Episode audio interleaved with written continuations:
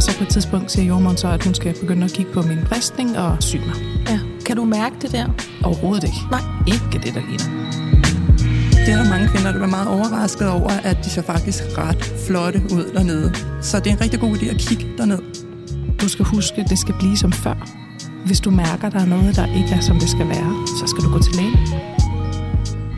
Velkommen til MomKind podcast. I dag der skal vi tale om bristning, altså når kvinder brister i underlivet, når de føder vaginalt. For hvorfor gør vi egentlig det? Hvad sker der helt reelt på fødestuen før, under og efter en bristning? Hvad indebærer en heling, og kan man overhovedet eksistere med sting i herligheden? Det her er jo altså noget, kvinder visualiserer, hører om, og de fleste af os frygter, før vi går ind i en vaginal fødsel. Og hvordan ser fremtiden ud? Får man følelsen, lysten og underlivet tilbage? Og der var altså parentes rundt om under der. I det her program, der taler vi om den normalt forekommende bristning, og om alt det, så mange kvinder i det, vi kan kalde fjerde trimester, og måske også lidt længere endnu, bærer rundt på alene. Og så taler vi også om de lidt mere graverende tilfælde, øh, som altså er mindre forekommende, men som vi bestemt også skal spejle, fordi der sidder mange derude og har præcis de udfordringer. Og det skal vi med et panel bestående af Lise Stockholm, Anna Forkammer og Janni Dobel. Velkommen til jer tre. Mange tak. Tak. Anna, du er jo vores faste jordmor fra jordmortid. Ja. Og er med her af fuldstændig åbenlyse øh, årsager. og vi skal bede om en morstatus. Ja, så gerne. Jeg er jo mor til Vera på 9 år, og Esther på hele 6 år. Ja. Og jeg er nok øh, i den periode af mit liv, hvor jeg må indse, at min fortid vil indhente mig. Øh, jeg er jo fra landet, og efter 15 år i Storbyen, Ja. så er vi rykket lidt ud. Mine døtre synes, det er ufattelig langt ude på landet. Det Mm. er inden for S-togsnettet, så det kan man jo sådan Ja. gradbøje. De kan ikke se en 7-Eleven. Hvad laver Nej, præcis. Ja. Stak, du skal jo magne børn. Ja. Øhm, så øh, mit liv er meget øh, fyldt af det, og noget med højbede. Jeg var i mm. Øh, morges i Rema klokken kvart over otte og købe jord. Ja. Øh, Mødte du min mand dernede? Ja, det kunne jeg. Den anden tråd, så kunne jeg meget vel have mødt. Ja. øh, og jeg kom øh, næsten for sent i dag, fordi jeg var forsinket af at fange høns. Ja. Så på en eller anden måde, så laver en helikopter om mit liv og tænker, hvad kan den? Ja. Hvordan kommer også havde egentlig snigende i stor, altså region øh, Ja. H egentlig? Det var da egentlig fascinerende. Ja, ja. Øh, og jeg synes, det er så optur. Du kan tage pigen ud af også, men du kan ikke tage også ud af pigen. jeg På et en- tidspunkt, jeg så får en- du høns og højbede. jeg blev en landbrugmor, Ja. øh, men inden for S-togsnettet. Så, Ja, så vildt er det jo heller ikke. Men ved du hvad, jeg spejler dig lige der øh, med 110 km i timen, fordi jeg er jo det samme sted. Altså, jeg kan jo få gåsehud, når jeg ser, ja. Ja. der kommer rabarber op af jorden. Det er det, der er utroligt, at ens arvepar kommer bankende i nakken på en. Fuldstændig. Ja. Det kan godt være, at du troede, du skulle være fanden smart ja. Inde i øh, den øh, pu- pulserende ja. Storby.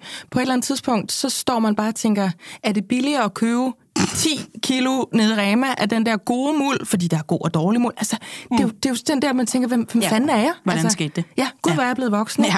Min mand havde fødselsdag i går, blev 38, han havde ønsket sig en regnmåler. ja. det, det er der. Ja, det er også ophidsende. Ja. Ja. Meget. Lige om Jeg var helt spændt over, hvor vi skulle stille Kommer han ud med fjederne skridt ud og, og tjekker nattens dråber og sådan ting. Den var helt op i 16 og Ja, sådan ja. noget. God, det bliver godt for jer. Jeg spejler din morstatus 3.000 procent, og det mm. gør min mand også. Ja. Tak. Tak for, at jeg ikke er alene. Øh, Lise, du er jo øh, service designer. Ja. Og du er med her i dag, fordi du har haft en oplevelse med at briste under din fødsel. Yes. Hvad er morstatus? Jeg er mor til øhm, Johanne på 4,5 måneder. Ja. Og er yderst begejstret, fordi vi er begyndt på skemad. Ja. Og det har jeg især glædet mig rigtig meget til. Ja. så det er morstatus af, at øh, jeg er smurt ind i kartoffelmel og Ja. fedtet bogvedgrød og sviskemos.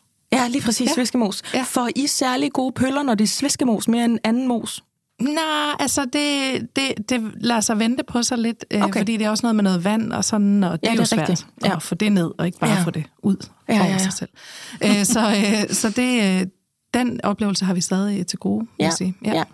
Jamen, jeg er, jo, jeg er jo lidt i det der ja. Ja. med dig, fordi min er et halvt år. Ja. Så vi har også, altså vi tør også alt dag, Ja. og bruger 100 vådservietter om dagen og sådan Ja. noget. Det er jo også den der lille rullestejsperiode der, ikke? Ja. Ja. ja, jeg har tænkt i lang tid, fordi folk har været sådan, åh, vådservietter, det, det kommer du til at bruge mega meget af. Jeg tænkte, ja, okay, er sådan, det, ah, Now you get it. nu forstår jeg, for indtil der har jeg jo ikke rigtig nødvendigvis brugt vådservietter, men nu Nej. kan jeg godt se Men de det. tager en meget central plads i ens liv. Det skal jeg lige love for. Ja, ja, men det er sådan, vi har dem i handskerummet, og ja. vi har dem på køkkenbordet, og vi har dem i soveværelset, og ja. vi har dem alle steder, fordi der er altid noget, der skal tørres af. Ja, det er, de, og de er vældig gode jo. Ja, Man det kan jo få de. alverdens øh, ting af med Ja, det. ja. Og man skal også bare huske at øhm, komme af med dem igen på en rigtig måde, hvis der er plastik i produktet. Ja, Hvis der var nogen, der skulle rigtigt. sidde og tænke over det. Ja. Anna, du skal ikke grine, fordi der er nogen, der tænker over sådan noget, når man siger, at man bruger 100 ja.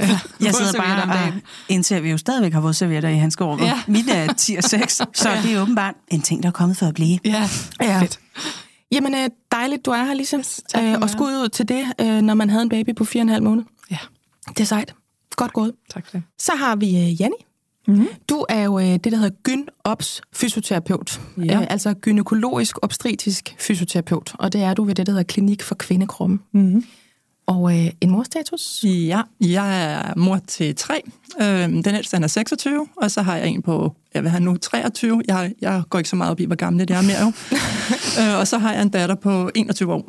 Ja. Og de er ved at flytte hjemmefra. De to ældste, de er flyttet. Øh, og den mindste, hun er lige flyttet til Grækenland, så jeg er jo et lidt andet sted i livet. Jeg mangler nogen til at lufte hund lige nu. Øh, Ja. Og hjælpe med at alt det huslige derhjemme. Så det er lidt anderledes, end at have små børn. ja. Du har fået de der vådservietter ud af handskerummet. Nej, de er der faktisk stadigvæk. Men det er faktisk også et meget godt hack. Altså, det er ikke kun til gulv og whatever. Det er jo bare, man kan lige... Altså, jeg har engang vasket gulv med vådservietter. Mm. For pokker. Ja. Jamen, øhm, jeg har jo Elle, Ellen, øh, på tre år og et halvt, øhm, og Trille på seks måneder. Og min morstatus er, at vi er så småt ved at se på, om der var nogen, der skulle ned på deres eget værelse. Mm. Øh, det gjorde vi også med storsøster, da hun var et halvt år. Det fungerede rigtig, rigtig godt. Og jeg tror, det var et samspil imellem øh, netop det der med skemaet, at man begyndte at få noget fast føde, øh, kunne sove lidt længere om natten. Vi begyndte at operere med noget, vi kalder en drømmeflaske, som er, at man faktisk godt kan drikke en tår mælk, imens man sover. Så man ligesom har- har nulstillet på det tidspunkt, og så kunne man selv få sammenhængende søvn frem til sulten, så melder sig igen. Det er ikke, fordi vi er færdige med at være oppe om natten. Vi er bare sådan tænkt, nu, nu er der to børneværelser i den der ende af huset, og der, vi skal prøve at se, om der kan ligge nogle børn derinde samtidig. Og det kunne der i forgårs i to timer samtidig. Verdenspremiere. Det var så sind... Altså, vi stod bare og kiggede på hinanden ude i køkkenet og sådan, de ligger begge to dernede. Og de sover, og vores piger, og det er på hver deres værelse, og det var som vi havde tænkt, og det var som vi havde øvet det. Og vi blev sådan helt fjollede, fordi vi kan, det er så langt væk, det der nu. Selvom hun kun er et halvt år, så føles det som om hun har været det i 10 år, fordi man er bare så smadret, ikke? Det er, det er så lang tid siden, vi har haft den der med, at vi er, vi er her selv. Altså, at der ikke har været den der, den der 8 kilos vægt på armen. Så det er sådan et, et skridt hen imod os, ja. På et eller andet tidspunkt, så, så bliver det sådan to gange lyse rottehaler, der sidder bag i bilen. Fordi hun bliver jo også større. Og nu er vi i gang med det der skridt der, ikke? Så Stadig med vådserviet. Masser af vådservietter. Altså, jeg kan da heller ikke sige mig fri, for jeg lige tager en en gang imellem. altså, det, det er da en af de der øh, luksusting, der er ved at gå på toilettet ved siden af en puslebriks. Det er da man lige... Man kan da lige nappe vådserviet. Det tror jeg da, vi alle sammen kender. Godt. Prøv at høre, øh, nu skal vi i gang med det her program. Vi skal tale om noget, der er øh, lidt mindre morsomt, men altså mm. temmelig forekommende. Vi skal tale om bristninger, et emne, som er vældigt efterlyst, både her og der, og også noget, som jeg, til trods for at jeg ikke selv har oplevet det, har en opfattelse af, der bliver talt alt for lidt om. Så det øh, prøver vi at rode bod på nu. Det her, det er selvfølgelig MomKind Podcast, og jeg hedder Majbrit Maria Lundgaard.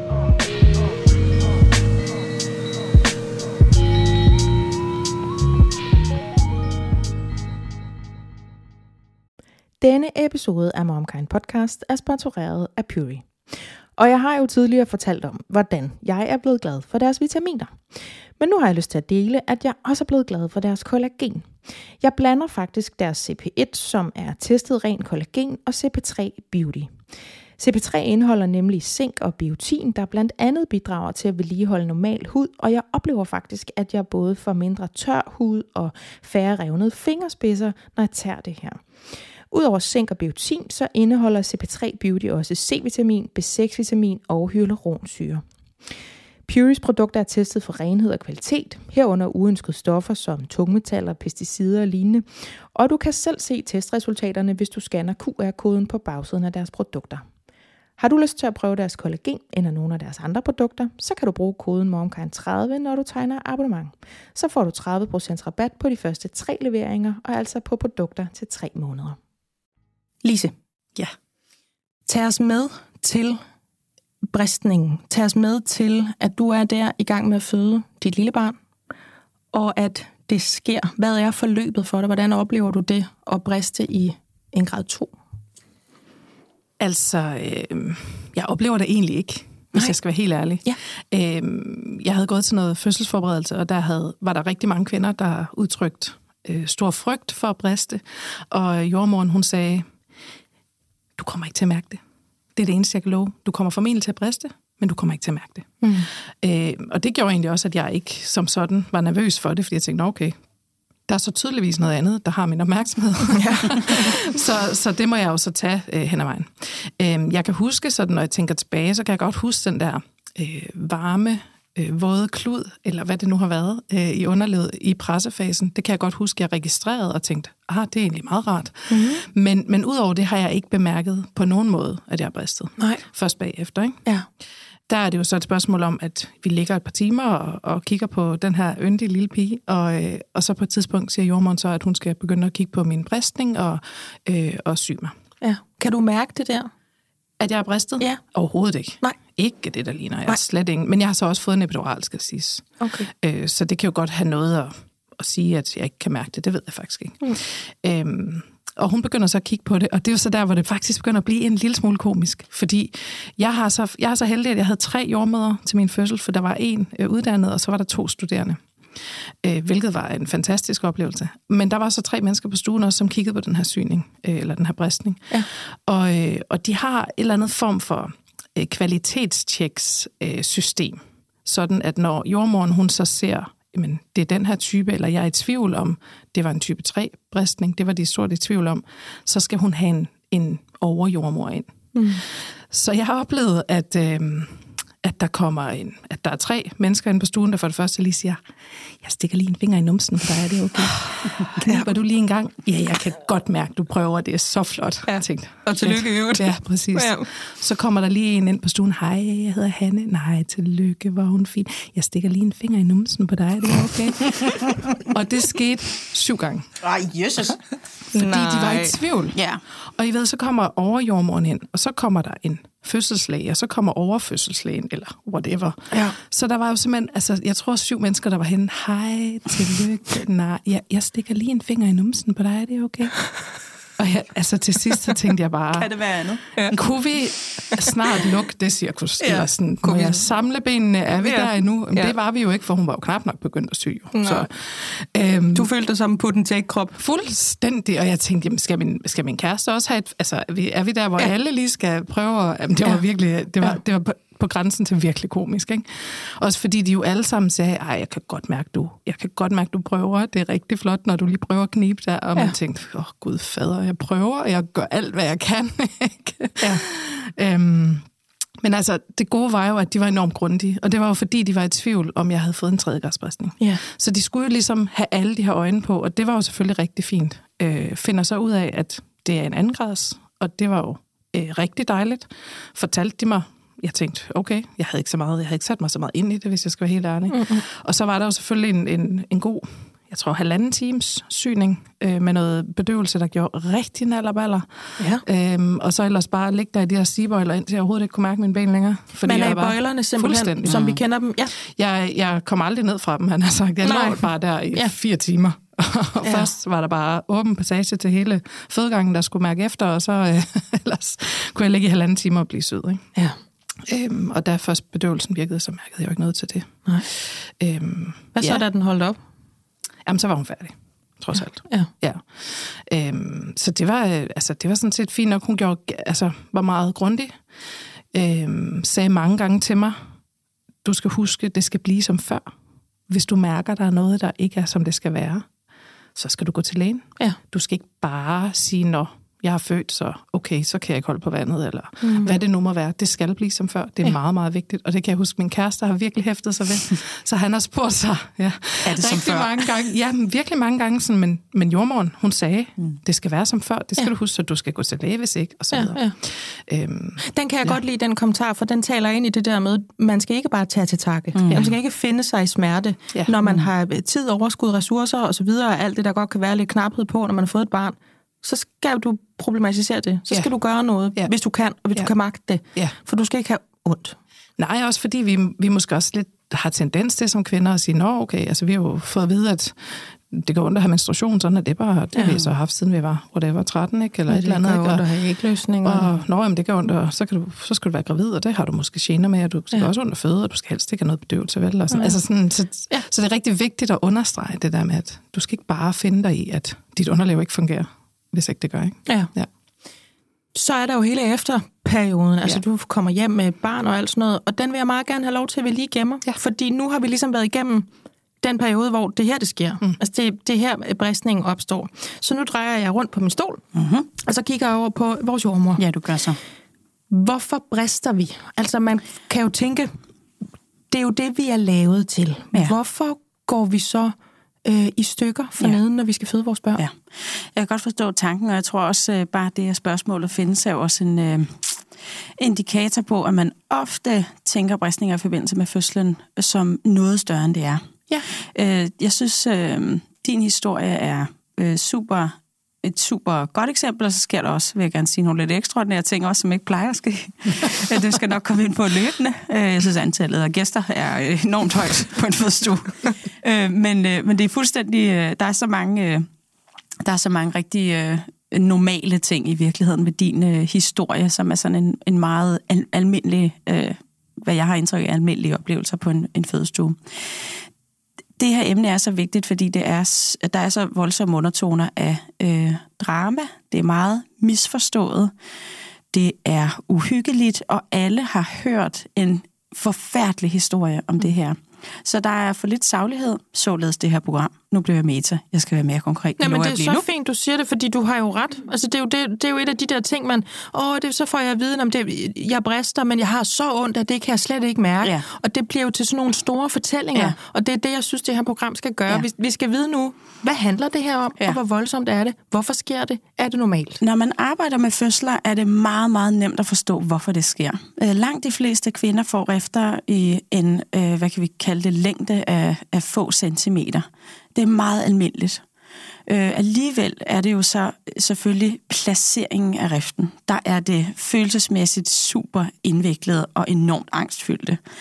Vores fødselsforberedelseskursister skifter jo altid farven og slidet. Har endda, altså vi har Edvard Munch skriget på slidet for at ligesom drille dem lidt. Altså vi kan simpelthen, de bliver fordi det er så vigtigt at pille dramaet ud af det. Fordi man er nødt til simpelthen at i talsæt, hvor det er jo, det er jo jeg tror, 90 procent af alle øh, fødselsangstfølelser øh, sidder der. Ja. Øh, og selvfølgelig kan der være kompliceret ophelingsforløb og så videre efter, men langt de fleste får noget meget almindeligt. Og man skal også passe på ikke at sige almindeligt egentlig, fordi det er da ekstraordinært. Det er da ekstraordinært ubehageligt mm. at have sting i sin bækkenbund. Det er bare slet mærkeligt, og det er meget almindeligt. Langt størstedelen af kvinder, der føder deres første barn, får en rift i forbindelse med fødslen, cirka 85 procent. Man skal virkelig være optimist eller, eller blind, øh, for ikke at sådan på en eller anden måde øh, indstille sig på, at det er en normal del af, øh, af at føde et barn. En rift i forbindelse med fødslen sker, fordi at barnets hoved, skuldre, øh, så frem, det er det, der kommer som, øh, som første del. Det er det jo for de fleste. Mm. Øhm, strækker vævet i en sådan grad, at det går, det, at der kommer en, øh, en rift i forbindelse med, øh, med barnets ligesom, passage ud i verden. Det er jo meget mellemkødet, der er øh, under pres, når man føder. Det bliver strukket, det skal give sig, når man føder. Øhm, og bækkenbunden er jo ufattelig, at den kan det. Og vagina er fantastisk, at den kan det.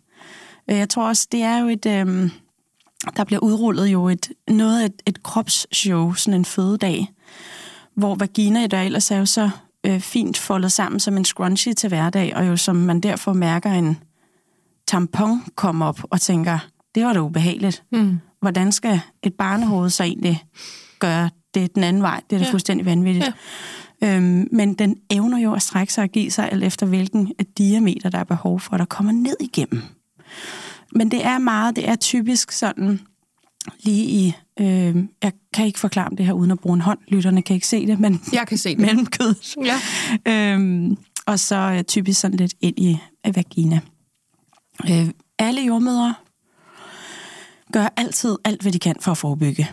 Der er ikke nogen jordmøder, der kommer til at glemme mellemkødet på deres arbejdsdag. Det er ikke sådan, at hvis man ikke husker at sige det, at så sker det ikke. Det sker er det, altid. Er det der, vi får den våde, varme ja. klud, som Lise fortalte om? Jeg bliver så glad. Presser man jeg der? bliver så glad, når jeg hører om den våde, varme klud. øh, fordi jeg forstår ikke, hvorfor alle ikke bruger det. Varme kan øge blodcirkulationen og gøre vævet mere smidigt. Smertelindrer jo også.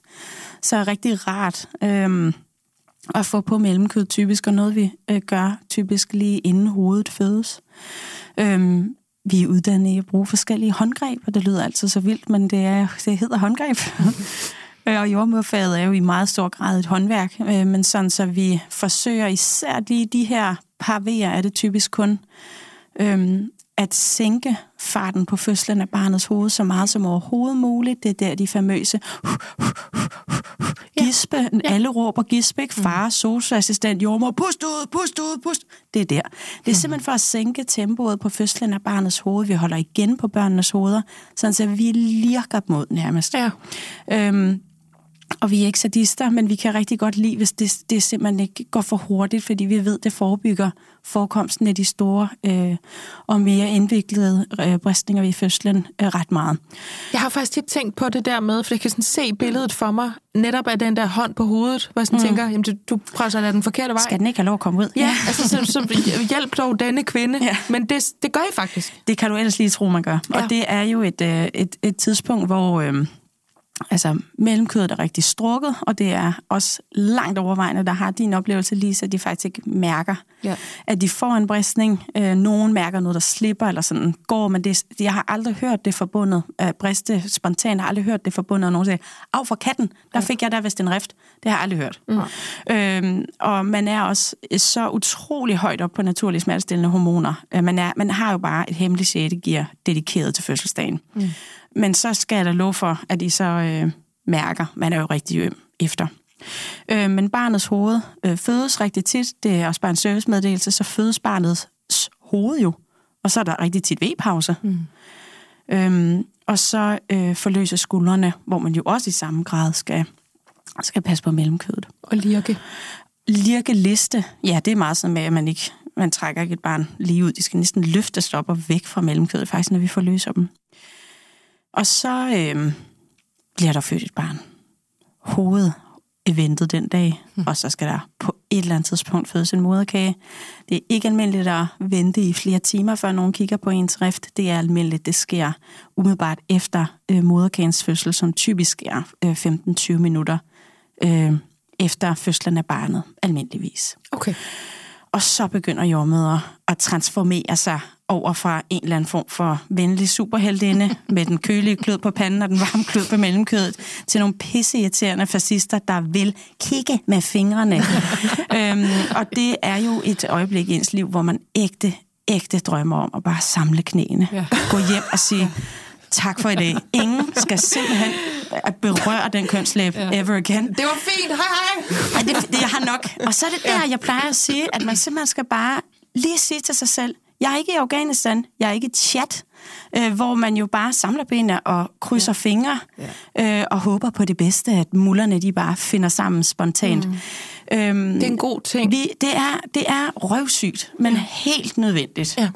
Øhm, og her er vi, og der er din oplevelse også fuldstændig naturtro, for at lyst til at sige, men sådan, øh, hvad kan man sige, rettesnor for, hvad der tit sker. Vi kigger på øh, damer, der bevæger sig, om endelig ligger i bøjler. Der pipler blod både op fra livmoren, hvor der lige er blevet født modergave fra.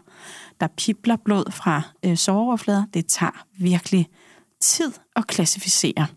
Der mm. har du en lidt, øh, en lidt anderledes historie, fordi det tager så lang tid med så mange personer. Det har virkelig været en drillefrans af en grad 2, den du har bare fået der, ikke? Men det kan være sådan en, der sidder lidt dybt og så videre.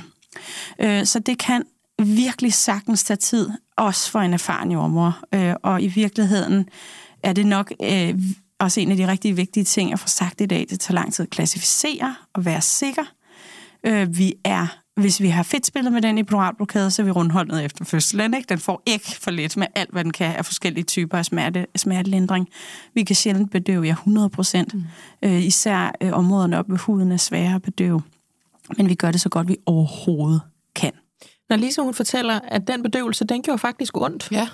Hvad handler det om? Det handler om, at man injicerer lokalbedøvelse med en nål. Og det kan man sige, ja. nej, nu må det da snart være nok. Det er for the greater good, ikke? Ja. Øh, men så til gengæld, når den ligger godt, så man injicerer simpelthen lokalbedøvelse om, i området omkring riften, okay. hvor man jo har ondt. Så det er da røvsygt. Ja, de sammenligner det med ligesom at være til tandlægen, ikke? Ja, der skal også lige have et stik. Lige ja. og tænke ja. på det, og så tænker jeg, nej, det siger jeg ikke, men det gjorde du. Men det man går heller ikke. Ja, det er jo ja. præcis det samme. Ja. Det er lokalbedøvelse, men så, som jo så injiceres i et utroligt dømt område. Præcis. Så jeg plejer altid i hvert fald at, at lægge alt, hvad jeg kan af bedøvende gel, ja. og så lægge det lige efter. Men det ja. tager også noget tid om at virke. Ja.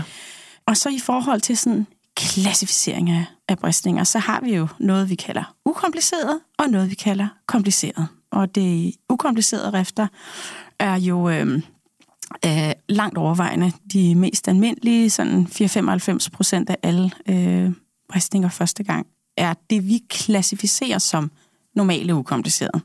For dem, der får dem første gang, øh, noget af en oplevelse, helt sikkert. Øh, men det betyder, at dem må jordmoren varetage, syg selv, og det er også derfor, at lige præcis når man så går, går over til noget, man overvejer om er i næste klasse, nemlig grad 3 eller 4, jamen så er det sådan helt øh, øh, fast, så er det en lægeopgave. Mm. Øhm, men hvad så, er de grader der? Ja. Øhm, grad 1 er det, man kan kalde sådan overfladiske bristninger de kan sidde forskellige steder, men det, der er kendetegnet ved dem, er, at de ikke involverer bækkenbundsmuskulaturen. At tænke på bristninger og vide noget om bristninger er lidt, en lille smule, hvis vi tænker på det der scrunchy rør, som man kan med en kreativ hjerne tænke uh, vagina som stop mig, hvis jeg rappler fuldstændig. jeg, jeg skal Var det den, vi havde på trapperne i 90'erne? Eller var det Nej, nej, nej, er hårlesting. Altså, nok. så ja. det er et rør, der evner at trække sig sammen. Det er jo sådan et uh, rør, der er omgivet af muskler hele vejen ind, og ligesom komplikationsgraden øh, bliver mere og mere alvorlig, jo dybere riften er, kan man ja, sige. Ja. Så vi starter helt overfladisk i, med rifter i slimhinden eller, eller huden, men hvor der ikke er involverende bækkenbundsmuskler. Got it. Men grad 1-bristninger kan sidde forskellige steder. Den klassikeren, får jeg næsten lyst til at kalde den, er sådan overfladiske hudafskrabninger. Øh, og ja, hudafskrabninger er også et funky billede, jordmøder bruger i flink, kan jeg godt høre. Men sådan en helt overfladisk rift, øh, hvor sådan slimhinden er gået op på indersiden af kønslæberne. Øh, den er virkelig almindelig.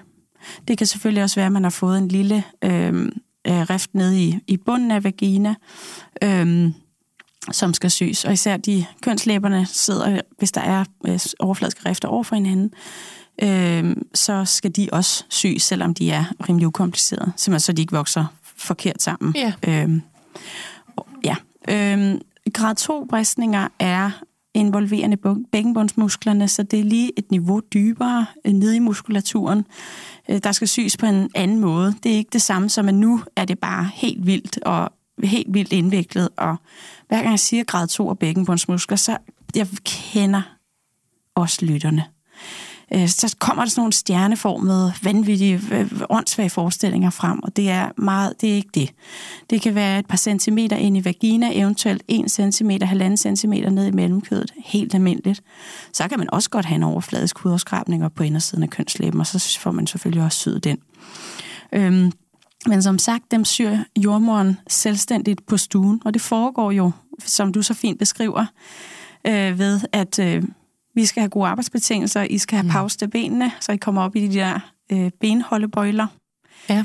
Forhåbentlig for første og eneste gang. Den dag, dem, de skal jo ikke bruges ellers under en fødsel. Men til efterfødslen er de en god hjælp, når man er efterfødselstræt i stængerne, eventuelt lidt epiduralt bedøvet i stængerne osv. Mm. Og så syr vi, og vi henter kolleger til råds, hvis vi er det mindste i tvivl. Og det er også vigtigt at vide. Det her er normalt. Det er vanskeligt at klassificere. Det tager tid at søge. Det kan sagtens tage en time. Noget, en helt almindelig grad 2 bristning kan sagtens tage en time, time og kvarter. Øh, og syge, det skal man slet, slet ikke blive bekymret om. Man skal også bibeholde blodtilførselen til overkroppen, hvis øh, hun siger, jeg henter lige en kollega. Mm. og tænker bare, åh oh, Jesus, åh oh, Jesus, hun har aldrig set sådan en før, hun har aldrig set før. Det er bare så almindelig praksis. Vi yeah. er nitty-gritty med at ville gøre det ordentligt her. Vi det er meget stor for respekt. grundighed, simpelthen. Ja, tak. Ja. Øh, og så det må man jo messe. Nogen interesserer sig meget for min bækkenbund, nogen interesserer sig meget for min bækkenbund, nogen interesserer sig meget for min bækkenbund. Måske lige lovligt. ja. Og så øh, næste kategori af, af bristninger er jo dem, der involverer øh, endetarmsmuskulaturen. Og der kommer nye dramabilleder op i lytternes ører nu. Men jeg må understrege, at de jo ligger som nærmeste naboer, de her to øh, muskellag, kan man kalde det. Selvfølgelig er det ikke for at bagatellisere eller sige, at det er bare. Det er mere kompliceret end end bristninger i bækkenbundsmuskulaturen. Øhm, men de ligger virkelig nær ved hinanden, så derfor kan en bøvlet grad 2 virkelig ligne en øh, grad 3A øhm, rigtig meget. Bogstaverne betyder ligesom, hvor meget af endetarmsmuskulaturen, der er inddraget. Øhm, grad 3A er sådan de yderste 50 procent af endetarmsmuskulaturen. Grad 3B er mere. Øhm, C er helt ned til slimhinden, er det ikke det, man siger? Og så øh, 4 er en total ligesom, ruptur. Øhm, og det er selvfølgelig, nu begynder det at blive rigtig uhyggeligt. Øh, grad 4 er selvfølgelig rigtig, rigtig sjældent. Jeg har aldrig set en. Jeg har arbejdet som jommer i otte år, øhm, men øhm, de forekommer astronomisk sjældent. Øhm, så kan man sige, at den mest almindelige komplicerede bristning er grad 3A, og det kan altså også bare være de yderste fibre af endetarmsmuskulaturen, der er inddraget. Øhm, det behøver ikke være øh, helt vildt, kan man sige, af den årsag. Det er cirka 4% af alle førstegangsfødende, der får sådan en. De mere øh, graverende tilfælde, dem tænker jeg, at vi samler op, når mm. vi skal snakke med Janni, som er jo hende, der står for øh, at få de her kvinder godt videre, når mm. der har været en fødselsoplevelse, der kræver øh, efterfølgende øh, pleje og mm. behandling. Mm. Hvis nu vi lige går tilbage til øh, grad 2, mm. som jo også er det, øh, Lisa har, mm. eller hed. Mm. Hvad er det, I syr med? Altså, hvad mm. er det, man kan forvente, når man så kommer ud af de bøjler der mm. og siger, nu, mm. nu er vi færdige, så mm. må du endelig have lov ja. at samle de der knæ. Vi går væk med pegefingrene. Nyd øh, dit barn. Ja, og Hvad din situation? i fred. Ja, præcis. Hvad situation er vi så i der? Jamen, man syr med øh, tråd, der opløser sig selv. Så rent praktisk, så har man simpelthen en nål med påhæftet øh, øh, sysnor. Øh, sutur hedder det. Og så syr man med forskellige tykkelser af nål og snor, afhængig af, hvad det er for en rift. Øhm, det er jo så utrolig forskelligt, hvor man har sting, hvor meget man har. Du kan ikke spørge en jordmor og få et svar. Hvor mange sting har jeg fået? Det bliver også til spurgt om. Gud, det ved jeg da virkelig ikke. Det er da også fuldstændig pyt. Det sidder vi virkelig ikke og tæller. Vi sidder bare og tæller klasser. Så bliver hun helt forvirret. Det, det kan hun ikke svare på. Mm. Øhm, men øhm, okay, hvis det er helt overflødigt, så kan man tælle, ikke? Ja. Men det er ikke det, der er så afgørende. De sting opløser sig selv, så man skal ikke ind og lette ben og have fjernet sting ved egen læge. Øh, sådan en almindelig grad 2 bristning er typisk helet øh, på to-tre uger. Så er der jo arvæv. Tingene er jo ikke bare lige som før med det samme. Det tager tid, det ved Janne alt om. Og i forhold til de komplicerede bristninger vil jeg bare lige sige, at det er fordi det er et lægeansvar, at det er lægerne, der syr dem, og rigtig tit, så bliver man simpelthen flyttet over på en operationsgang, så man kan blive bedøvet mere øh, og så er der i virkeligheden mere arbejdsro til alle. Øh, det er en, en anden øh, syproces, og det er også en anden ophelingsproces, så det er sådan lidt en anden kategori, men som lægerne er ansvarlig for. Mm. Og i forhold til sådan, jeg tænker bare på, det er altså altid vigtigt at vide sådan, hvad kan man selv gøre? Øhm, hvad, der, er jo, der er jo et absolut øhm, en vis portion af af kontroltab, og nu må vi se, hvad der sker, og mm. hvad barnets albue øh, laver deroppe ved øret, og alt sådan noget ting, kan man ikke styre. Nej. Øhm, Men det, man kan ryste sig med, når man har den der frygt for, jeg skal føde vaginalt, jeg har set alle billederne, hørt historierne, jeg har den der, du sagde det også selv, det er sådan, for de fleste måske, number one frygt. Mm. Øh, også fordi det er så grafisk, man kan ikke ja. forestille sig, at man skal gå i, altså i stykker det der sted. Men også, ja. Hvad kan man så selv gøre? Altså det, man selv kan gøre, det er, der er simpelthen øh, forskning, der tyder på, at regelmæssig massage af mellemkødet kan nedsætte forekomsten af de i hvert fald komplicerede rifter. Øh, fra u 34 det er noget, man selv øh, ligger og Det er ikke noget, en privatpraktiserende jordmor vil have på menukort. Om det har også blevet spurgt om, kommer så ind til dig for? Nej, det, det er simpelthen det er selvmassage. En, eller meget af eller, dig, eller, eller, eller dig selv. Eller. selv ja. De fleste højgravide kan nå, mens de sidder på toilettet, men i virkeligheden handler det om at øge blodcirkulationen og strække og smidiggøre vævet. Det er jo også noget væv. Mellemkødsvævet er jo ikke typisk det område, øh, der sådan får mest øh, berøringsopmærksomhed egentlig. Mm. Nej. Men det er øh, selvfølgelig et, et meget actionfyldt område, selvfølgelig øh, lige i den periode. Jeg kan huske, at jeg fik sådan en lille øh, flaske ja. med mm. noget særligt olie ja. til det der. Ja, du sidder og lige ja. Og så, øh, værsgo, den er til dig. Den og så bliver du sådan, hjemme hos mig, kan jeg Det gør den faktisk også ja, hjemme hos mig, fordi jeg jo så endte med en kejsersnit, ikke? Men så kan jeg huske, der blev råbt ud fra haven, og til mig.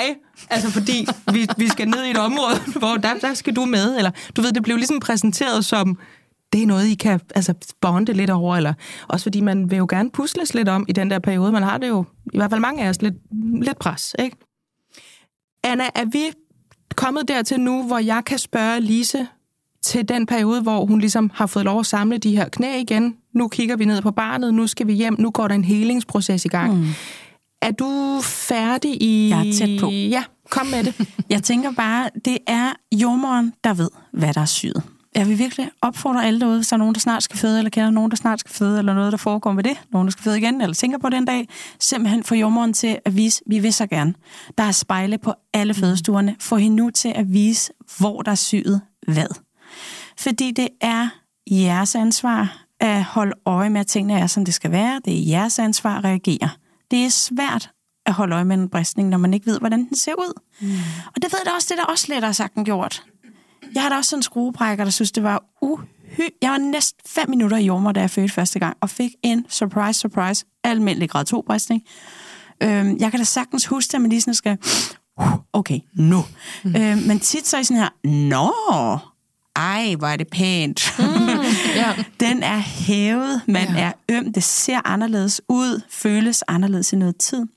Øhm, men virkelig sådan kig på jer selv også lige efter fødslen, og få nu hende, der har ført nålen til at pege og sige, og så er det her, og så er det her, og så er det her, og se, ja. hvor pænt det er. Ja.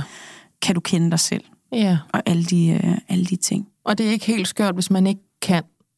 Altså, det ser anderledes ud, når man er født, og det gør det uanset hvad. Og man er øm i bunden, uanset om man har fået en rift eller ej. Alle skal jo tjekkes, og alle skal have en lille finger om i numsen. Det er simpelthen for at sikre sig, at muskulaturen ja. er helt intakt i endetarmen det er man jo glad for, nogen tjekker. Man holdt ja. op, ja. øh, hvor er man også træt af det, ikke?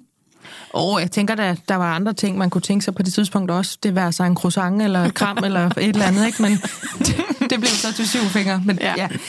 Lise, ja. vi kommer hjem med et barn, ja. men også med en bristning. Ja. Hvordan går det? Altså, hvordan passer du på den? Hvad er din oplevelse? Altså, jeg vil sige det først. Altså, nu fødte jeg på videre år, der må man være i to døgn, inden man tager hjem. Ja. Øhm, og det første man kan sige, tidspunkt, jeg stiftede bekendtskab med den i virkeligheden, det var jo, at man, man skulle på toilettet, inden man blev udskrevet. Ikke? Ja. Og det var jo altså kæmpe frygt for det. Fordi man tænker, øh, jeg er lige blevet syet. Mm. Det kræver, øh, at jeg endnu en gang skal presse i mit underliv. Det tør jeg fandme ikke. Mm-hmm. Kan jeg eventuelt få noget svæskemos, så det kommer ud helt af sig selv? Der var Fordi, den lidt igen. Ja, præcis. Ja. Altså, det, det, var virkelig, det var jeg virkelig, virkelig bange for. Ikke? Ja. Øhm, og der, der var det jo noget med at, at få at vide, at du kan eventuelt lige holde igen. Øhm, så, så du, altså, der sker ikke noget ved, at du går på toilettet, men hvis du er mere tryg ved det, så kan du lige holde igen med dine hænder. På mellemkødet? Øhm, på mellemkødet. Ja. Øh, og det kunne man jo godt mærke, når man så gjorde det. Nå, okay, der er ikke sådan, det hele er ikke ved at falde, falde fra hinanden. Og sådan. Mm-hmm. Øh, så det var, sådan, det var første tidspunkt, jeg ligesom stiftede bekendtskab med den. Ikke? Øh, og så er det jo noget med, at man skulle huske at øh, ja, skylde det, holde det rent. Øh, jeg kan også godt huske første gang, jeg kiggede i et spejl og tænkte, jeg kiggede lige sådan op, ikke fordi jeg er religiøs, men gjorde det lige alligevel, ikke? Hvis der var en bristningsskud. Uh, jeg kigger lige op og ser, jeg forbereder mig lige på, hvad der er, jeg skal se. Fordi ja. jeg fik ikke uh, set den. Øhm, og det har jeg hørt om rigtig mange andre, der gør. Og det ville jeg ønske, jeg havde gjort. Jeg ville ønske, jeg havde fået den der, nu skal du se, det er her, vi har lagt stingene. Fordi præcis, man ved ikke, hvad man skal forvente, og hvordan, altså, igen det der med, at man også er hævet, og ser det her normalt ud? Jeg aner det ikke, og er den der, er den der snor også lidt blå? Skal den, er, det, Ja. ja. er det sådan noget fiskesnøre? Eller du ved sådan. Ja, ja. Øhm, så jeg tog mig virkelig sammen første gang, jeg kiggede. Ikke? Jo, men det er jo virkelig det er også noget, altså det, det her har man ikke en erfaring med, Nej. medmindre man har prøvet det. Nej, Altså, og det er, en, det er en ret crazy ting på en måde. Ikke? Altså, det er jo fuldstændig rigtigt, når, når Anna siger, det er så normalt, Ja. og det er det samtidig bare overhovedet ikke. Ja. Ja. Ja. Ja. ja, det er det jo ikke, når man øh, kun prøver det en gang. Ja, Måske, præcis. Eller, eller. Ja. Så, så sidder man jo i den der øh, frygtelige situation, hvor man skal huske at tage sig, af, tage sig af sig selv, men så har man også lige et nyfødt barn, man mm. egentlig skal tage sig af. Ja. Man har en amning, der fungerer helvede til, og, øh, og får ikke noget søvn og alt det der. Og så er det sidste, man tænker på, altså ens underliv, trods alt. Yes. Selvom man jo bliver stiftet bekendtskab med det hver eneste gang, man tisser, øh, eller går på toilettet, at så bliver man lige mindet om, når ja, der var også lige nogle sting, eller sådan. Men Fordi det gør ondt.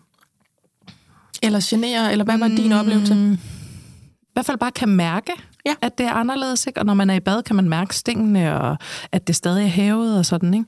Så det, det gjorde egentlig ikke ondt. Det gjorde det ikke. Men man er lige opmærksom på det. Fordi man sådan, åh ja, der skete noget dernede. Øhm, men har utrolig svært ved at give sig selv den omsorg, jeg tror, man har brug for. Fordi den tilhører barnet Ja. og ens bryster. Ja. øhm, så det er, en, det er en svær situation at skal, at skal huske lige at tage sig af sig selv. Og i øvrigt sådan, nå ja, du skal lige huske din knibeøvelse. Min knibeøvelse? Ja. What? Altså, Jeg skal lige huske, hvem jeg selv er. sådan, jeg kan ikke altså, hænge sammen lige nu. Jeg kan sgu da ikke knibe. Mm. Altså, det er bare enormt svært at tage sig af sig selv med den bristning på det tidspunkt i sit moderskab. Ja. Fuldstændig umuligt, ikke?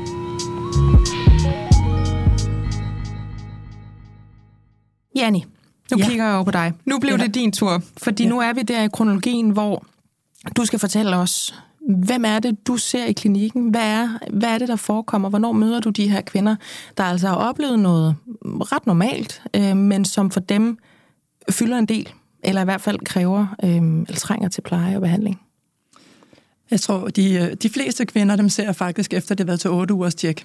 Øh, men der er også mange, som gerne vil ind øh, før, og lige have et sikkerhedstjek, fordi hvis de har født før, så tænker de, ah, okay, det der 8 ugers tjek, det kunne de ikke rigtig bruge til noget, fordi lægen er lidt hurtig, øh, når de skal ind og tjekkes hos lægen. Ja. Så, så det er sådan lidt svingende, hvornår de kommer ind, men som regel efter 8 ugers tjekket. Ofte så oplever jeg, at de er mega nervøse for, at de skal have sex, øh, når de når dertil, fordi de har ikke kigget derned. Så jeg er mega glad for, at jeg sidder med et par kvinder, som har kigget derned, fordi det er faktisk en af de ting, som jeg råder dem til. Og jeg har også et spejl inde i mit lille rum, som jeg lige tager frem og spørger, skal vi kigge på det sammen? Ja. Og øh, så guider jeg dem, viser dem, hvor er det, de er bristet henne, øh, og man kan så ofte ikke se det. Mm. Så, og det er der mange kvinder, der bliver meget overrasket over, at de ser faktisk ret flotte ud dernede. Mm. Så det er en rigtig god idé at kigge derned selv. Så tag et spejl, kig. Man har altid en make spejl i tasken, der har de fleste kvinder. Det kan man lige lirke derned, og så kan man stå med overskrevs på toiletbrættet, og så kan man lure og se, hvordan det ser ud. Momkind har lavet et spejl til præcis det der. Så øh, råd videregivet. Ja. Ja. Så, og så vil jeg sige, i den periode, du nævner lige efter fødslen der, første gang man er ude på toilettet, den, øh, det er en god idé at understøtte mellemkødet. Det er en af de ting, vi bliver ved med at råde om i et pænt stykke tid, og så sørge for at holde tarmen i gang. Øh, afføring, det snakker vi heller ikke særlig meget om os kvinder. men de er lidt bedre til at åbne op for den godtepose. Men øh, kvinder, de er ikke særlig gode til at holde deres tarmsystem i gang, og de tager ikke særlig meget øh, afføringsmiddel osv., og, og når man er bristet, så er det en mega god idé at have noget afføringsmiddel stående derhjemme. Magnesia, det er så godt at have at tage noget, inden man går i seng om aftenen. Ikke for meget, så kan man ikke holde på afføringen, så bliver det alt for tyndt. Men at lige finde den dosis, man øh, har brug for, en til to tabletter, der prøver man sig frem. Ja. Simpelthen for at lette den hmm, øh, pres, umage vægt, man skal lægge på det område, hvor man har en, en bristning. Nej, og magnesia, det gør, at din afføring den bliver mere lind. Jamen det er det, jeg mener. Altså skal man ikke arbejde så meget? Ja, lige, Når præ- man ja, kom- ja, lige ja, præcis. ja. Du tænker på, at man ikke skal sidde og presse, ligesom man lige ikke har ja, fået den lille ud. Ikke? Ja, ja, præcis. Ja, så derfor var noget afføringsmiddel, øh, og nogen kan klare det med kosten. Øh, masser af fiber. Øh, så ja, så der er mange måder, hvordan man kan holde sin, sin tarm i gang på. Ja. Understøtte, super godt at gøre det. Og så en ja, skylle. Sørg for at holde det rent også i øh, efterperioden. Nu er det sådan små tips og tricks.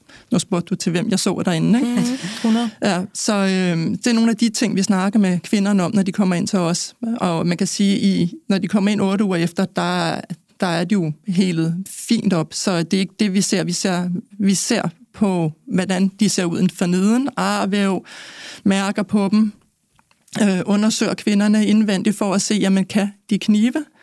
Og jeg kan godt forstå, at kvinder ikke bruger deres bækkenbund, eller tænker knibeøvelser ind, når de lige har fået det lille guldbarn ud dernede. Det er ikke det første, man tænker på, mm-hmm. men det er en god idé. men det er noget, der skal have opmærksomhed. Ja. Jeg synes, det er fint med de der fifs, fordi der sidder jo helt sikkert nogen, øhm, som har syningerne lige nu, eller mm. som statistisk kommer til at få dem. Så vi kan sige øh, skylleflasken, vi kan sige støt øh, mellemkødet, når du er på toilettet, vi kan sige sørg for, at din kost eller øh, kosttilskud gør, at du ikke skal arbejde så meget for det. Øhm, er der andre ting, vi kan tilføje? Ja, lige når du har født, der, jeg kan, jeg, det er 100 år siden, jeg er født, men dengang så sagde man, du skal sætte dig på en badering. Det håber jeg ikke, der er nogen, der siger mere. Det, der er vigtigt, det er, at man sidder faktisk på noget, der støtter vævet, i stedet for, man skal ikke have den der hulering, ligesom når man sidder på toilettet, hvor øh, hele bækkenbunden faktisk næsten placerer sig ned i kummen. Ja, ja. Øhm, en pude, sid på en pude, sådan så der kommer noget understøttelse på mellemkødet. Det er et rigtig godt tips. Og øhm, det er faktisk bedre at gå og bevæge sig, end at sidde ned lang tid ad gangen. Og hvis man kan ligge ned og amme, så er det også sindssygt godt. Det er ikke alle kvinder, der kan det, men man kan i hvert fald forsøge. Og man skal ikke gøre det, fordi man bare... Altså, amningen kan jo være rimelig kompliceret for nogen, så hvis man ikke kan ligge ned og amme, så lig mere tilbagelænet. Altså bare det der med, at der ikke kommer det der direkte tryk ned på mellemkødet. Mm. Øhm, ja, hvad kan man mere gøre? Jeg kommer op og bevæge sig. Lyt efter kroppens... Øh, kroppen skal nok fortælle, når den er ved at være træt af at, at bevæge sig, om især mellemkødet og bækkenbunden.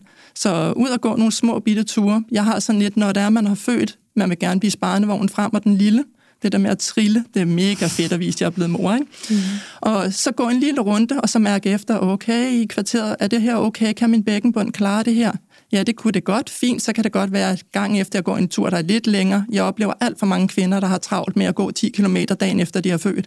Og bækkenbunden, den kan bare ikke lide det. Den skal nok sige fra, men de lytter ikke.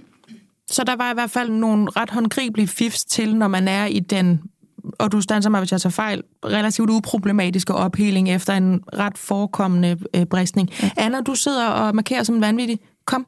Ispind er noget, øh, alle kan lave, som alle kan lave. Jeg har klar hjemme i fryseren, simpelthen frosne hygiejnebind med vand på, vand på, og som, som man så fryser fladt, yes. pakker ind i noget Lige og lægger ned i trussen. Det virker altså rigtig godt, både mod øh, smerter og hævelse, ja. som altid er der. Ja. Lige da du sagde det, til trods for, at jeg godt ved, hvad konteksten er, så hørte jeg, at du sagde ispind. Og så sagde du i fryseren også, og så tænker jeg... Det lyder dejligt. Det, det, altså sunlolly, ja ja, men selvfølgelig... Bind. Selvfølgelig, selvfølgelig, ja. ja. Altså kulde Kølende Køle ned. bind af en eller, anden, øh, en eller anden karakter. Ja. Det er simpelthen noget, øh, man kan genskore sin partner på ved lige at komme med en stor glas vand til den amne mor, så køle i spændt til trussen. Hold uh, op, mand. Og nogle sour cream chips. Jo. Og fred.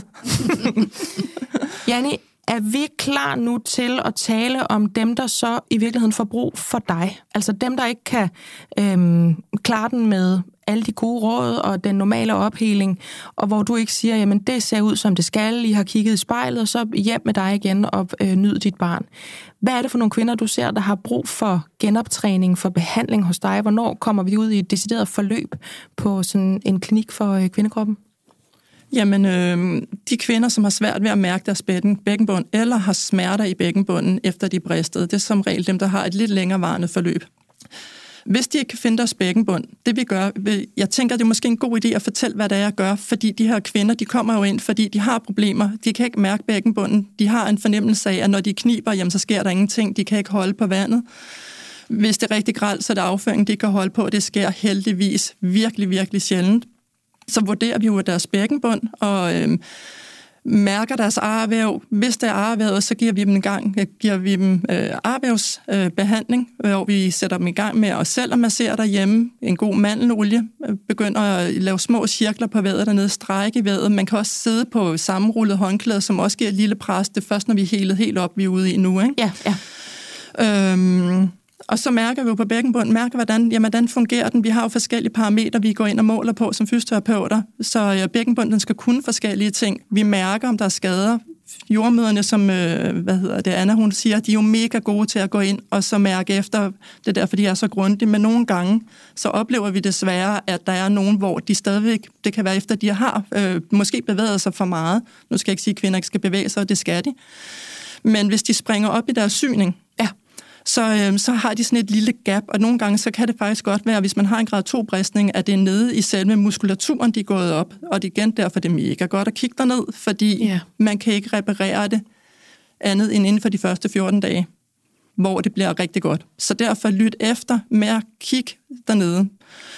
Så det mærker jeg efter, og hvis jeg vurderer, okay, her der er en muskulatur, som ikke er helt som den skal være, så sender jeg dem altid til et sikkerhedstjek gennem egen læge, og måske til en gynekolog, sådan, så de kan få vurderet den her bækkenbund. For ellers så kan de jo knibe fra nu af, og så til de bliver helt kroplån øh, blå i hovedet. Ja. Og det fungerer jo ikke. Så, øh, fordi der vil ikke komme mere funktion i bækkenbunden af det. Nej. Så, men hvis der er en fin muskel, øh, ingen skade, man kan bare mærke, at jamen, den mangler noget kærlig optræning, man skal jo huske på, at når man er gravid, så musklen den bliver jo forlænget under graviditeten, og den bliver forlænget to-to-en-halv gange sin egen længde, når man føder. Det er helt normalt. Så der er altså lige, der, det trænger til noget opmærksomhed dernede, så den skal genoptrænes, efter man er født. Så det er det, vi sætter dem i gang med. Bækkenbundstræning, udspænding, snakker sex, fordi det er en af de ting, som kvinderne er mega nervøs for at gå i gang med. Det er klart, at de er lige født for at have fået et kæmpe barn ud gennem det her lille... Jeg vil man tænker, det er helt ufatteligt, at der kan komme et barn ud gennem den lille åbning. Ja. Mm-hmm. Og så oven købet blevet syet dernede. Så, så det tager vi også med dem, sådan så at de er klædt på til første gang, de skal have samleje med deres mand. Fordi tit er det tanken om det, der er det værste, men når de går i gang, så er det faktisk ikke særlig slemt. Den første gang vil de kunne mærke det. Jeg vil nok lyve, hvis jeg sagde, i var det en fed oplevelse første gang. Ja. Men det går over. Ja, så man skal forvente, det kan man godt mærke første gang, man har sex, der involverer penetration, men ja. så bliver det bedre? Det bliver bedre, ja. ja. Og faktisk kan man jo sige, når man har, når man har penetrationssex, så arbejder du jo også med det arvæv. Hmm. Men det kan være en fordel, hvis der er, man har smerter nede omkring. Ved, det er som regel altid nede, hvis man har en urskive, så klokken 6, det er som regel altid dernede kvinderne, det de brister. Ja. Der kan man begynde at give noget arvævsbehandling dernede, hvor man strækker ved. Fordi det er ofte der, de har ondt ved penetrationssex. Altså ned, ja, ned mod mellemkødet? Øh, ja, ja, ned, ja. ned mod ja. bagdelen. Yes. Ikke? Ja. Godt. Hvornår skal man øhm, særligt besøge sådan en som dig, Annie? Hvornår skal man søge hjælp? Hvornår er der noget, man skal reagere på? Fordi hvis man har født vaginalt, så er man jo altså, ret påvirket i sit underliv. Man er både mm. påvirket af en tung graviditet, man er påvirket af en vaginal fødsel. Måske er man også netop øh, blevet syet, og generelt har vi jo den her, som du også talte om, Lise, jeg æder den bare, det er okay, jeg har ondt, eller mm. det skal jeg nok finde mig i. Hvis man er førstegangsfødende, så ved man slet ikke, hvad man skal forvente. Mm. Hvornår skal man ligesom tænke, nu skal jeg gøre noget for mig, så kan det godt være, at man ikke lige har energi til det, som vi også snakkede om. Ikke? Ligesom, men hvad skal man reagere på? Hvornår skal man særligt tænke, nu har jeg fortjent et besøg et sted, hvor de kan kigge på mig?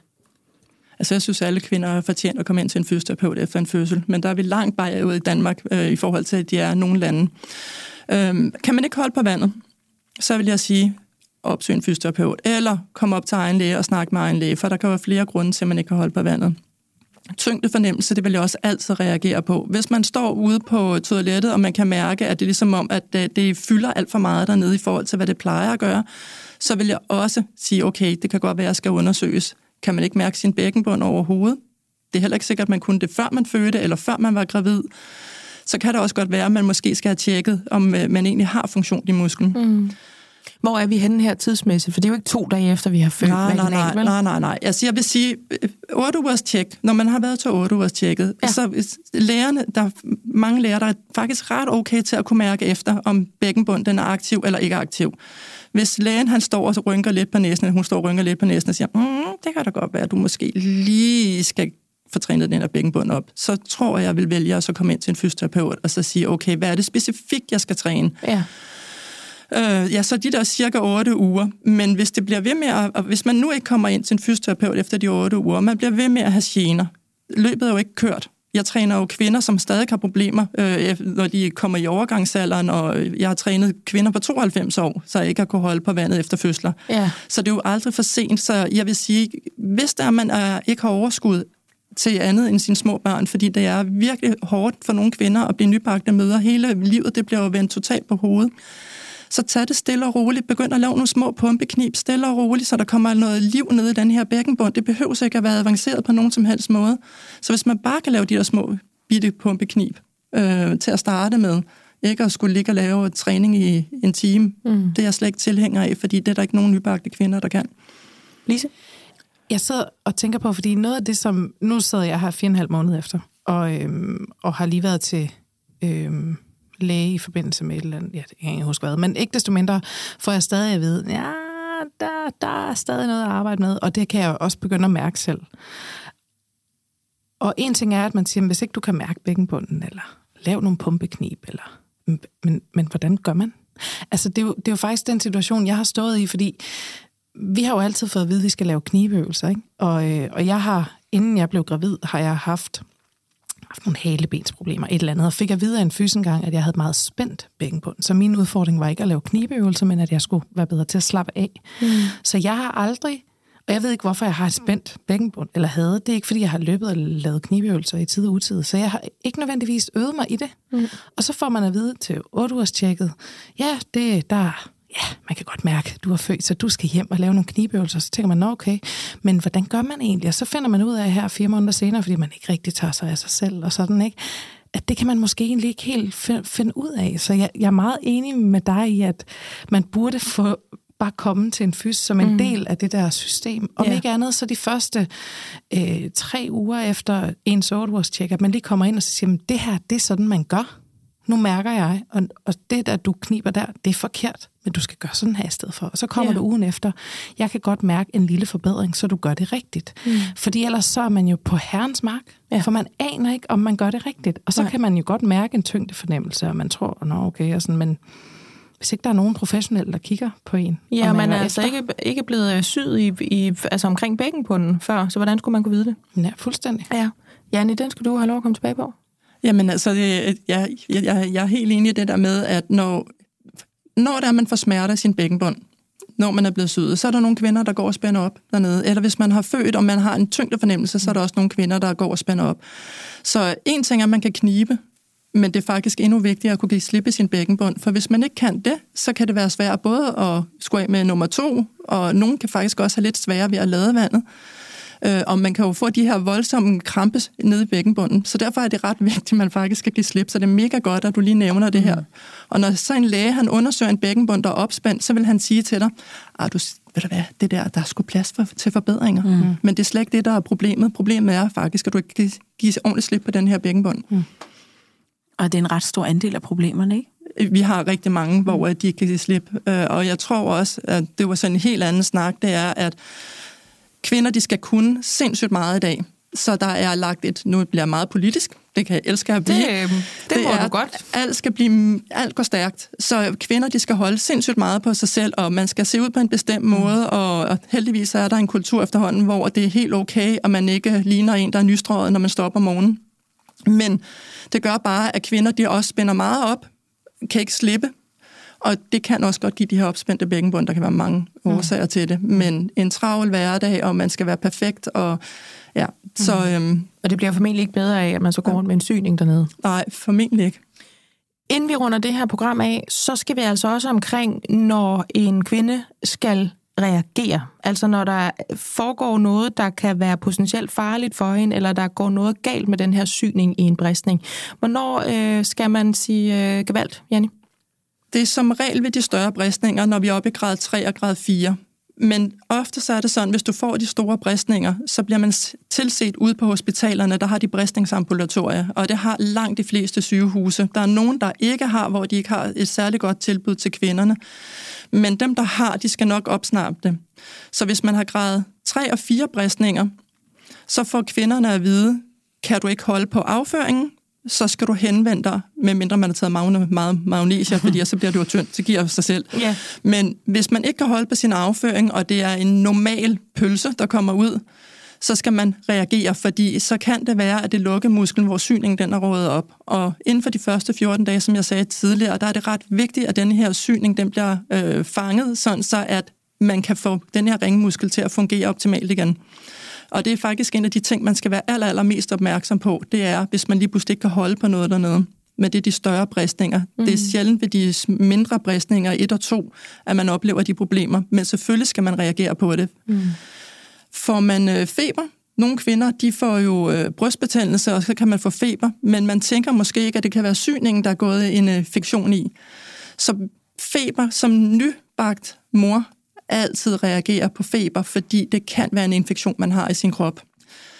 Ja, jeg tænker faktisk, det er de to aller, aller ja. vigtigste ting, ja. man skal være opmærksom på i forhold til bristninger. Og hvis man har oplevet grad 3 eller grad 4, øh, og uanset hvilke bogstav der er på, så er man allerede i en proces øh, på sit fødested, fordi det er noget, der bliver taget hånd om der. Det er noget, der er operationskrævende. Er det sådan? Nå ja, hvis, hvis du ikke kan holde på afføring og så Jamen det er fordi, altså man kan sige, hvis man går, hvis man går hjem med en grad 2, ja. så kan man også selv ligesom fragte sig selv op til dig. Men hvis man rent faktisk har en grad 3 eller en grad 4, så sker der noget med en umiddelbart efter man har født sit barn. Altså så er det ja. noget, der foregår på sygehuset, ikke? Nej, du kan jo godt blive sendt hjem. Jo, men alle, ja. altså, øh, reparationsarbejdet foregår på ja. sygehuset, ja, ja, genoptræning er også tilknyttet sygehuset. Er Jamen, det, det, mener? det er jo der, jeg vil hen, ja, nemlig. Ja. Mm. Så, man, så, man, så vi kan fortælle lytterne, at hvis man er i tvivl om, er det en grad 2, eller er det en grad 3? Hvad er det egentlig, jeg har oplevet? Mm. Altså, så man ikke sidder derhjemme og tænker, kan jeg pludselig holde på min afføring, fordi det viser sig, at det er en grad 3 eller 4? Øh, det, det kan man svært komme ud for, fordi det har de opdaget på sygehuset, hvis det er det, man har. Og det er fortalt meget tydeligt. Og jeg tænker også sådan generelt ophæling lige efter fødslen. Øh, sker der jo rigtig mange ting. Man har ondt, man er hævet, der er blødning, frisk blødning fra livmoderen lige efter fødslen, der stille og roligt aftager. Men jeg synes også, en god tommelfingerregel er fuldstændig ligesom du sagde, kommer der pludselig feber, eller går det pludselig baglæns? Mm. Får man pludselig mega ondt? Bliver det mega hævet? Kommer der pludselig mere blødning, eller, eller ildelugtende udflad? Alle de der ting. Øh, så man skal, på en eller anden måde jo, så er man jo har man jo mange af de der symptomer, synes jeg, i starten. Man har da svært ved at gå langt væk fra et toilet i dagene, mm. ugerne efter fødslen. Yeah, yeah. Og så synes jeg, som du så smukt siger, Janni, jamen så øger man jo radio stille og roligt. Og så skal det jo så blive ved. Ikke? Altså den der positive fremgang skal jo bare blive ved. Yeah. Jeg kan huske, du engang sagde til mig, det hæftede mig sådan ved, at muskler heler hurtigst. Er det ikke rigtigt? Mm og så er det led- og bindevæv, der tager lang tid om at jo, hele. Så det betyder også, at den der sådan angst for, så er det domkirkenrum, der det bliver det nye normale. Det sker ikke, for musklerne heler jo, mm. trækker sig sammen, øh, selvfølgelig med træning og hjælp og alle de ting, men at man på en eller anden måde hele tiden har fornemmelsen af, at man er øh, på vej i bedring, og mm. kan gå længere og længere øh, fra toge, og har mindre og mindre tyngde fornemmelse og smerter, som jo er helt normalt i dagene lige efter fødslen. Inden jeg slipper øh, jer to kloge damer, der ved noget om bristninger, både når de opstår og når de skal efterbehandles, så vil jeg spørge jer, er der noget, I skal have med? Du sidder allerede og viser, at der er to ting, vi skal have med, Anna. Nej. Der er én ting, vi skal have med. Det var en anden bevægelsesfinger. Det var saksefingeren. Ja, for det har jeg simpelthen skrevet på mit papir. Ja. Vi skal ikke bruge fattelig lang tid på det. Men jeg er nødt til lige at nævne fødselsklip. Ja. Fordi det er en anden, et andet kapitel af gyserhistorie, og den skal vi også simpelthen lige have, have manet til jorden. Ja, endelig. Et fødselsklip øh, lægger man øh, for at skabe øh, dramatisk hurtigt mere plads, øh, lige når barnet skal fødes. Den primære indikation er egentlig øh, mistanke om troende iltmangel hos barnet. Så det kan for eksempel være, hvis der er rigtig dårlig hjertelød, og man skal have barnet ud med en sugekop. Øh, klip bliver også brugt, og det bliver brugt sjældent øh, den øh, sidste statistik, jeg kunne finde på, var sådan... Øh, finde på. Det er jo helt slød at finde frem. Det er ikke noget, jeg har fundet på. Den sidste på. statistik, jeg har opfundet. hedder 9 øh, procent af alle førstegangsfødende. Det synes jeg lyder lidt højt, og den, øh, det er også nogle tal, der sådan er et par år gamle. Altså 9 procent får et, et klip? Yes. Ja. Øh, men grunden til det også, øh, grunden til, at jeg prøver at mane det til jorden, det er, eller øh, mane til ro, det er, at et klip svarer til en andengradsbristning. Klip øh, laver man, som sagt, hvis man tænker, at barnet har brug for at blive født rigtig meget nu, eller i situationer, hvor jordmoren vurderer med sin øh, kliniske øje og hånd, her er en bristning, der er på vej direkte ned mod endetarmsmuskulaturen. Mm. Øh, så nogen øh, vælger simpelthen, at der skal lægges et klip efter lokalbedøvelse, udopstegn, udopstegn, udopstegn, ja. øhm, for at skåne ringmuskulaturen. Øh, opheling er typisk lidt mere langvarig og kan være lidt mere smertefuld, fordi det er øhm, øh, et sådan et øh, lidt mere rent, en ren soveflade, og det lyder mærkeligt, men det har simpelthen svært ved at hele en væv, der er gået af sig selv. Det kan jeg faktisk godt huske, du har nævnt på et Vi tidligt talte om det også ved kejsersnit, Ja. hvor man jo også laver nogle ting med, Ja. med muskulaturen, at man ikke skærer, man simpelthen river og trækker Flår dem fra hinanden. ja. Flår var jeg også Ja, så det er også ord. forkert. Undskyld, Nej, det er verbum. Det er slet... Men det er i virkeligheden lidt Ja. den samme grund. Ja. Ja. Det vil jeg bare lige huske at sige. Jamen, det er jo faktisk godt, du gjorde det, fordi det er jo netop igen en af de der ja. Ja. gyser ting, som så ja. Ja. kan man, det dukker op, og ja. Ja. man laver nogle Google-søgninger, man ja. Ja. ligger det her helt højgravid og sådan noget, ikke?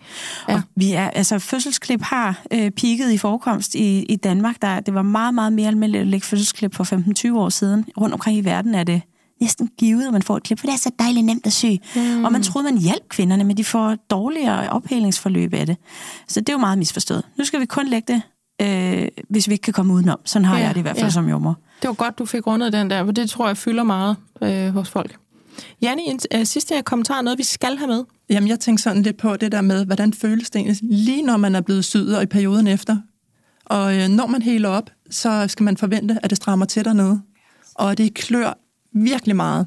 Ja. Og det er der mange kvinder, der ikke er forberedte på. Så det, når det begynder at stramme dernede, og den der, åh, så tænker de, okay, der er noget galt. Det er en helt almindelig opheling, der sker dernede. Kløe simpelthen. Kløe og stramhed. Ja. Den er god at få med, fordi det er jo igen det der med, man ved jo ikke, hvad man skal forvente, lige så vel som man ikke ved, om man har ondt på en god måde eller på en dårlig måde. Mange gange i løbet af en graviditet, og nok også igennem en fødsel, ikke? Ja. Jamen, øh, jeg startede med dig, Lisa. Ja. Jeg skal også slutte med dig. Yes. Det er fire og en halv måned siden, du fødte din datter. Ja. Hvordan har du det egentlig i dag, når nu vi lige har snakket om øh, bristninger? Jamen, ja, det dejligt. Altså, bøvler med, med hvad hedder sådan, optræning af bækkenbund, absolut, og det fylder rigtig meget lige nu, fordi jeg lige har været til diverse tjek, Ja. øh, og har brug for hjælpen et sted fra, øh, så har fået noget henvisning og alle de ting, så, så øh, Alle peger over derinde. på øh, opfyldelsen her. ja. Så lige med, med undtagelse af det, og at, at jeg er til for sådan en... Øh, det er også fandens med den ligestilling, for den får vi jo aldrig, når det er mig, der sidder med lorten.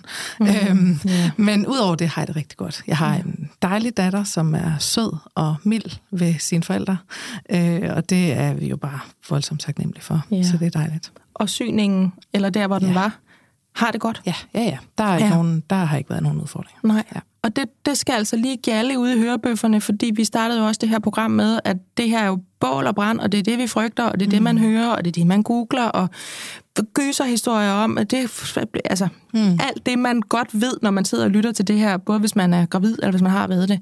Og så har vi Lise, der siger, no problems. Ja. Jeg synes, det, det jeg bare gerne vil understrege, det er, at man, man bør tage træ, optræningen meget mere seriøst. Mm. I hvert fald, end hvad jeg har gjort. Ja. Fordi jeg også lidt har tænkt, at ah, det kommer måske også lidt af sig selv, eller hvad? ja. Og man er meget fokuseret på, at man vil gerne ned i sine stramme jeans igen, og træner øh, baller og alt det her, og, og så videre, og går i træningscenter. Det har jeg selv gjort. Men det kan også være en udfordring at begynde at træne, inden bækkenbunden er klar. For hvis ikke man kan finde ud af det opspænd, inden man begynder at løfte en tung mm. vægt, så ja, går det hele galt. Ikke? Ja, ja. Finder man jo så ud af. Der bliver Øhm, øhm, nikket meget anerkendende ja. i studiet. Så, så det vil jeg sige, det, det, øh, jeg vil ikke være så bange for at briste, men jeg vil have meget fokus på at tage genoptræning seriøst. Ja. Det der, det var sådan en sætning, man kan lukke et program om bristninger på. Anna sidder og klapper som en sælhund, fordi hun synes, det var så fint øh, sagt. Og det var det også, og jeg vil sige uh, tusind tak til jer tre, som altså var uh, her i studiet i dag og lave det her program, som jeg tror og håber kommer til at gøre en forskel på et område, hvor uh, vi ikke er så vokale, fordi det er underligt, det er forvirrende, det er skræmmende, der er myter, øh, og det... Uh, kan være lidt tabubelagt, men øh, det står vi jo ikke tilbage for i MomKind. Så jeg vil altså sige tak til vores faste jordmor, Anna Forkamp, Selv og tak. til Janni Dobel fra øh, Klinik for Kvindekroppen, og til Lise Stockholm, som altså har en dejlig datter på 4,5 måned, som øh, hun skal have lov til at tage hjem til nu. Tak fordi I var med i dag. Så tak. Det her, det var MomKind Podcast.